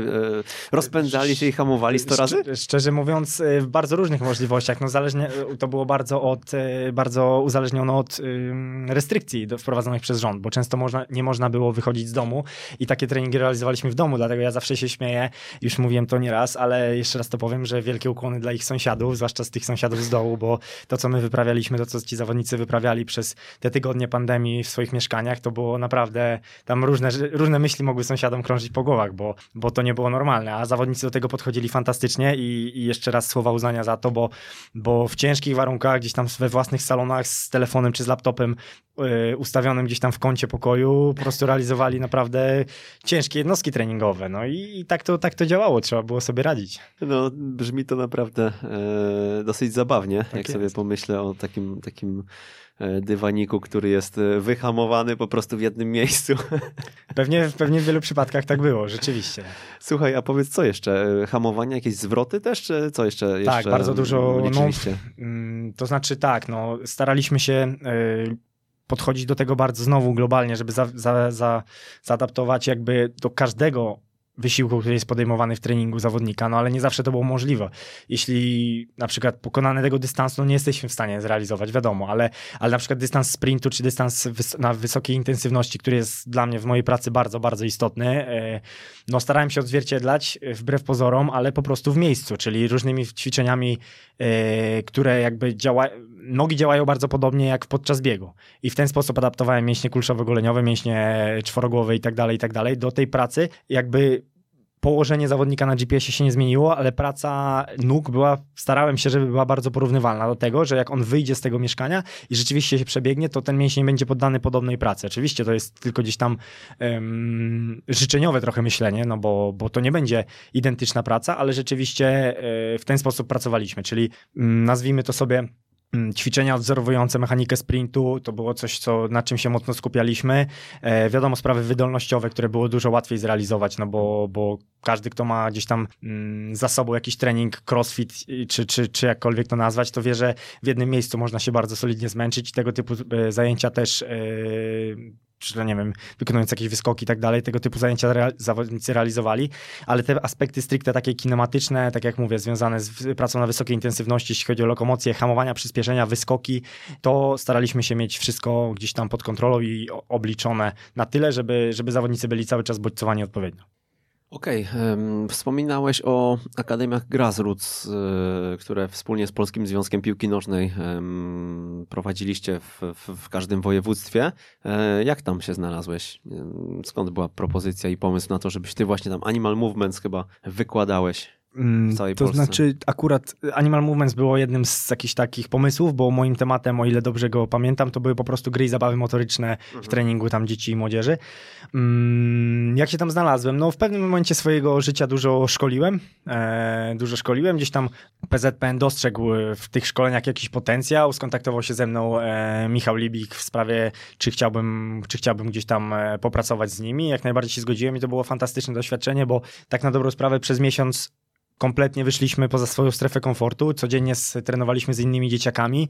Każdy z tych dzieciaków był inny, a tak na dobrą sprawę nigdy ich nie znaliśmy, nie znaliśmy ich imion, a tak naprawdę trzeba było przeprowadzić modelową jednostkę treningową i jakby zdolności trenerskie wbrew pozorom, które się, które zdobyłem podczas takich, nie wiem, godzinnych czy półtora godzinnych zajęć, dzień w dzień z inną grupą, naprawdę wydaje mi się, że procentują i będą procentowały do, na długie lata, bo to jest naprawdę fantastyczna możliwość. Po prostu nie wiesz, kogo spotkasz, nie do końca wiesz, wi wiadomo, że w takich rzeczywistościach często się obracamy, ale nie wiesz, ile osób, e, jak sprawnych przede wszystkim. Oczywiście jest to wyselekcjonowana grupa, bo to była Akademia Młodych Orłów, ale, ale no, cały czas coś nas zaskakiwało i, i to było fantastyczne doświadczenie. Mam nadzieję, że z korzyścią też dla, dla trenerów, y, którzy, którzy obserwowali.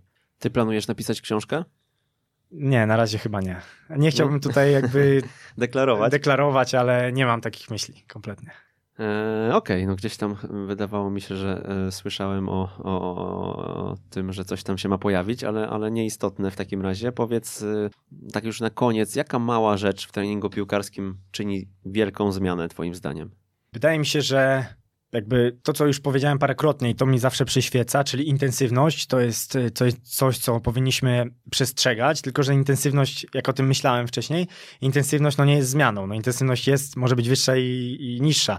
Oczywiście im wyższa intensywność, tym bardzo często lepiej, ale taka zmiana, która mi później przyszła do głowy, e, to przygotowując się do tej rozmowy, to, to rywalizacja wydaje mi się, czyli wprowadzenie elementu rywalizacji kompletnie zmienia oblicze praktycznie każdego ćwiczenia treningowego. Czy to jest zadanie motoryczne, czy to jest zadanie techniczno-taktyczne, wprowadzenie elementu rywalizacji podnosi zawodników w ogóle na inny poziom, odzwierciedla dużo bardziej warunki meczowe niż to jest w formach innych i, i wydaje mi się, że ta taka mała zmiana może naprawdę podnieść jakość treningu bardzo, bardzo szybko.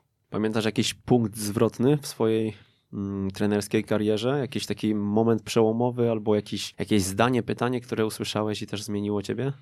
To jest trudne pytanie. Tutaj szczerze mówiąc mam z tym problem. Yy, na pewno jakimś takim momentem zwrotnym w ogóle w moim życiu było właśnie to zdanie, które, które gdzieś tam zasygnalizowałem wcześniej yy, mimochodem, czyli, czyli jak grałem w piłkę, już się interesowałem trochę treningiem, tym szeroko pojętym treningiem motorycznym i grałem w piłkę, jednak usłyszałem, że po prostu być może z tej piłki nie będzie tego, co bym chciał, że jestem troszeczkę, troszeczkę za niski jak na bramkarza i być może pewnego poziomu nie przeskoczę i wydaje mi się, że to jest zdanie w ogóle, które zmieniło moje życie, no bo postawiłem wszystko na inną kartę, poszedłem w stronę treningu i, i, i to, co się później działo, to było konsekwencją właśnie, właśnie tego zdania wypowiedzianego przez jednego z moich trenerów, także, także chyba to zdanie musiałbym powtórzyć. Nie jest to zdanie, które usłyszałem jako trener, ale, ale na pewno wpłynęło na, na, na, moje, na moje życie. A ty zaplanowałeś sobie e, właśnie tą pracę profesjonalną, nazwijmy to, bo był tutaj Adrian Filipek dwa tygodnie temu i e, no i on opowiadał, że mm, taki długofalowy cel wyznaczył na rok tam 2030 bodajże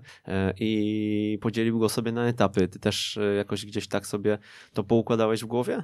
Hmm, chyba nie aż tak szczegółowo, aczkolwiek nawet ta nazwa właśnie fanpage'a, czyli wejście nas do ligi, była jakąś taką Mhm. metodą, którą często, nie wiem, psychologowie e, polecają, czyli zapisać sobie jakiś cel, prawda? I to mimochodem, ale jednak zapisałem sobie ten cel i rzeczywiście ten cel krok po kroku starałem się realizować, ale nie było żadnych marginesów czasowych, czy, czy że muszę, nie wiem, przed 30 zostać trenerem w ekstraklasie, etc. Po prostu tak wyszło, wszystko, wszystko po prostu miało swój jakiś tam czas i miejsce, bieg. E, rozmawialiśmy nawet przed audycją, że, że chyba podobnie jesteśmy takimi osobami zadaniowymi, że lubimy sobie spisać pewne rzeczy i, i po prostu odhaczać to co, to, co danego dnia musimy zrobić. I tak było ze mną, a kiedyś w sumie teraz mi przyszło do głowy, usłyszałem takie zdanie, jaki jest, y, chyba to było, pewnie, pewnie coś przekręcę, ale, ale y, anegdota o Rockefellerze, który, który pewnemu, y, pewnemu człowiekowi, który pewny człowiek zaoferował mu dużą sumę pieniędzy Rockefellerowi za jego yy, przepis na sukces. No i ten, ten przepis na sukces sprzedał, e, chyba tam właśnie tak jak mówię Rockefeller, i napisane na kartce były dwa punkty, czyli E, jak osiągnąć sukces w danej, w danej dziedzinie, w danej dyscyplinie. Pierwszym punktem było spisz sobie, co masz zrobić danego dnia, a drugim punktem zrób to. Rób tak codziennie i tak dalej, i tak dalej i to być może będzie, będzie gdzieś tam kiedyś yy, dawało owoce. No, tak jak wspomniałeś, ja lubię odhaczać, ale e, ostatnie dni to, e, to jest tyle odhaczania i e, tyle zadań w Nozbi, że, że głowa boli aż. Głowa aż boli, ale tylko się cieszyć, że aż tyle pomysłów i różnych działań wokół się dzieje. Mm, co byś poradził naszym słuchaczom, młodszym trenerom? Jak myślisz, co można byłoby im tutaj powiedzieć, żeby ich zainspirować? Właśnie chyba robić, robić, cały czas starać się trenować, jeśli chcemy być trenerami, tak, jeśli mówimy do trenerów, no to cały czas starać się trenować, bo, bo takie um, gdzieś tam utkwienie, może to brzmi strasznie coachingowo, ale utkwić w strefie komfortu jest bardzo łatwo, bardzo łatwo robić nawet naprawdę napra y, najlepsze treningi nie wiem, w danym klubie i tak dalej, i tak dalej i być z tego strasznie dumnym, to okej, okay, jakby nie mam z tym problemu, ale raz na jakiś czas sprawdzić się być może w innych warunkach, jakby sprawdzić, co jest dalej, czyli szukać, czyli po prostu szukać rozwiązań, szukać odpowiedzi i nie być pewnym, że się wszystko wie, bo, bo bardzo często tak nie jest. Nie chciałbym tutaj, znowu właśnie, no ja jestem młodym trenerem i nie chciałbym tu komukolwiek, czegokolwiek doradzać, ale, ale wydaje mi się, że coś takiego to, to na każdym etapie, każdej dziedzinie życia tak na dobrą sprawę się sprawdza, czyli, czyli nie uważać, że, że wie się po prostu wszystko, bo, bo na pewno tak nie jest i, i gdzieś kiedyś to zaskoczy. Twój cel, twoje marzenia? Pytanie, czy jako trener przygotowania fizycznego właśnie, yy, no zdajesz sobie sprawę, że to jest zawsze taka rola, że jesteś gdzieś w cieniu, prawda? Rzadko się słyszy nawet kibicowsko mówienie, no bo wiadomo, że my w środowisku szkoleniowym znamy tutaj się wszyscy i wiemy kto gdzie wylądował, bo to są też pozycje, yy, które, które każdy by pewnie chciał obsadzić. E, swoją osobą, natomiast e, no generalnie w świadomości kibiców poza pierwszym trenerem to rzadko kiedy ktoś ze sztabu, kto wykonuje też ciężką pracę istnieje, prawda? No akurat w przygotowaniu motorycznym to istnieje raczej w odwrotnym no właśnie, kontekście, no, prawda? Czyli to, to jest, taka... Jak coś się wysypuje, to tak, też wtedy tak, czasami tak. Może, można zebrać po głowie. Dokładnie, także nie, ja nie mam z tym problemu. E, przynajmniej, nie wiem, staram się nie mieć i to też jest takie wyzwanie, które, które w takiej pracy na wysokim poziomie jest, że mm, można być naprawdę świetnym trenerem, a zwyczajnie psychicznie tego nie znosić. No wiemy, wiele jest przypadków, gdzie gdzieś tam znakomici fachowcy trafili do, nie wiem, Realu Madryt i tak dalej, i tak dalej, czy Barcelony, która ostatnio ma gdzieś tam problemy z trenerami e, i po prostu nie są w stanie przełożyć tego wszystkiego na tak dużą szatnię, że tak powiem, na tak duży poziom sportowy, więc, więc e, no jakby wydaje mi się, że celu jako takiego nie mam dalekiej perspektywie. Wiadomo, że jak jest się, jest się na tym poziomie, no to patrzy się dalej. No, chciałbym, wiadomo, przede wszystkim pracować jak najdłużej w tej ekstraklasie i, i chciałbym, żeby to, to gdzieś tam cały czas się realizować i żeby zdobywać nową wiedzę. W tej chwili moim celem jest pojechanie na jakiś staż w wolnej chwili, bo naprawdę, naprawdę jest to gdzieś tam na, na szczycie moich priorytetów, żeby troszeczkę właśnie zmienić, zmienić środowisko i spróbować sobie odpowiedzieć na parę pytań, które się właśnie pojawiło podczas, podczas tej pracy. A co dalej? Zobaczymy. No, tak na dobrą sprawę spisz sobie, co masz do zrobienia i zrób to i zobaczymy, dokąd to przyniesie znowu. Z jakim zdaniem chcesz zostawić naszych słuchaczy?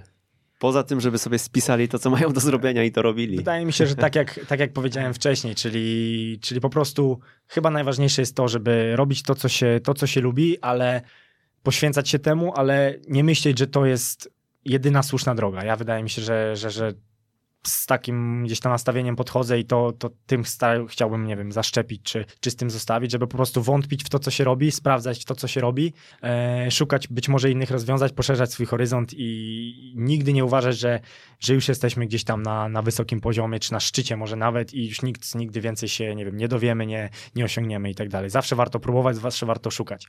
I tym zdaniem zamykamy rok 2020 e, w Jak uczyć futbolu.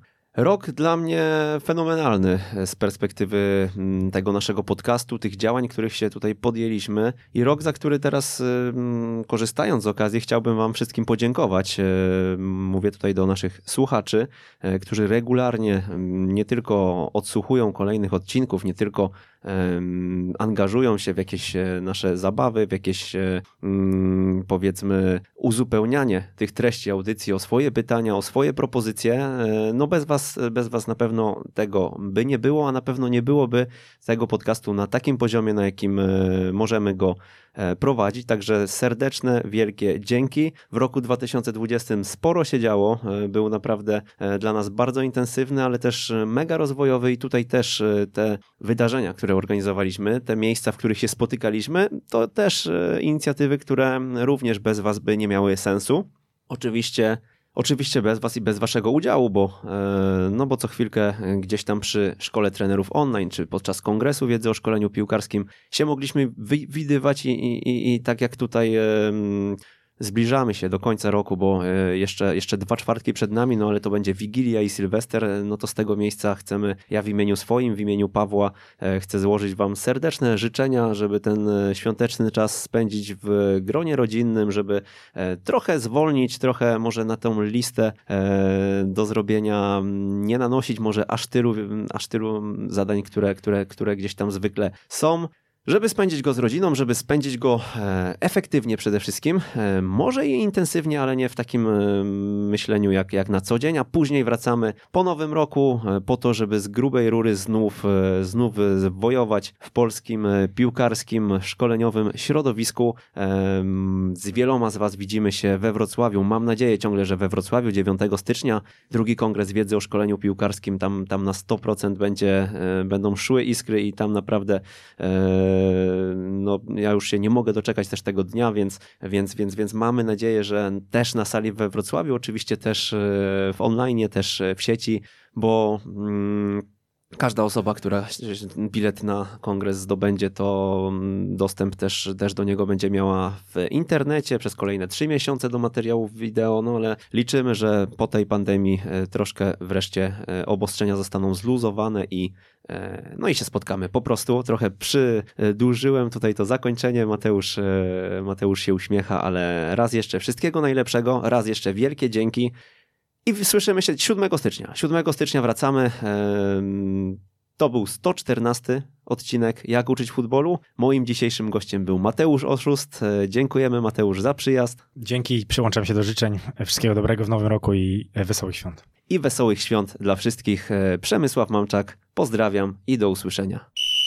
Jeżeli podobał Ci się ten odcinek, mamy do Ciebie prośbę: poinformuj jednego znajomego trenera o tym, że istnieje taki podcast jak Jak uczyć futbolu. To pozwoli nam dotrzeć do znacznie większego grona odbiorców niż obecnie, za co Ci z góry pięknie dziękujemy. Raz jeszcze, do usłyszenia.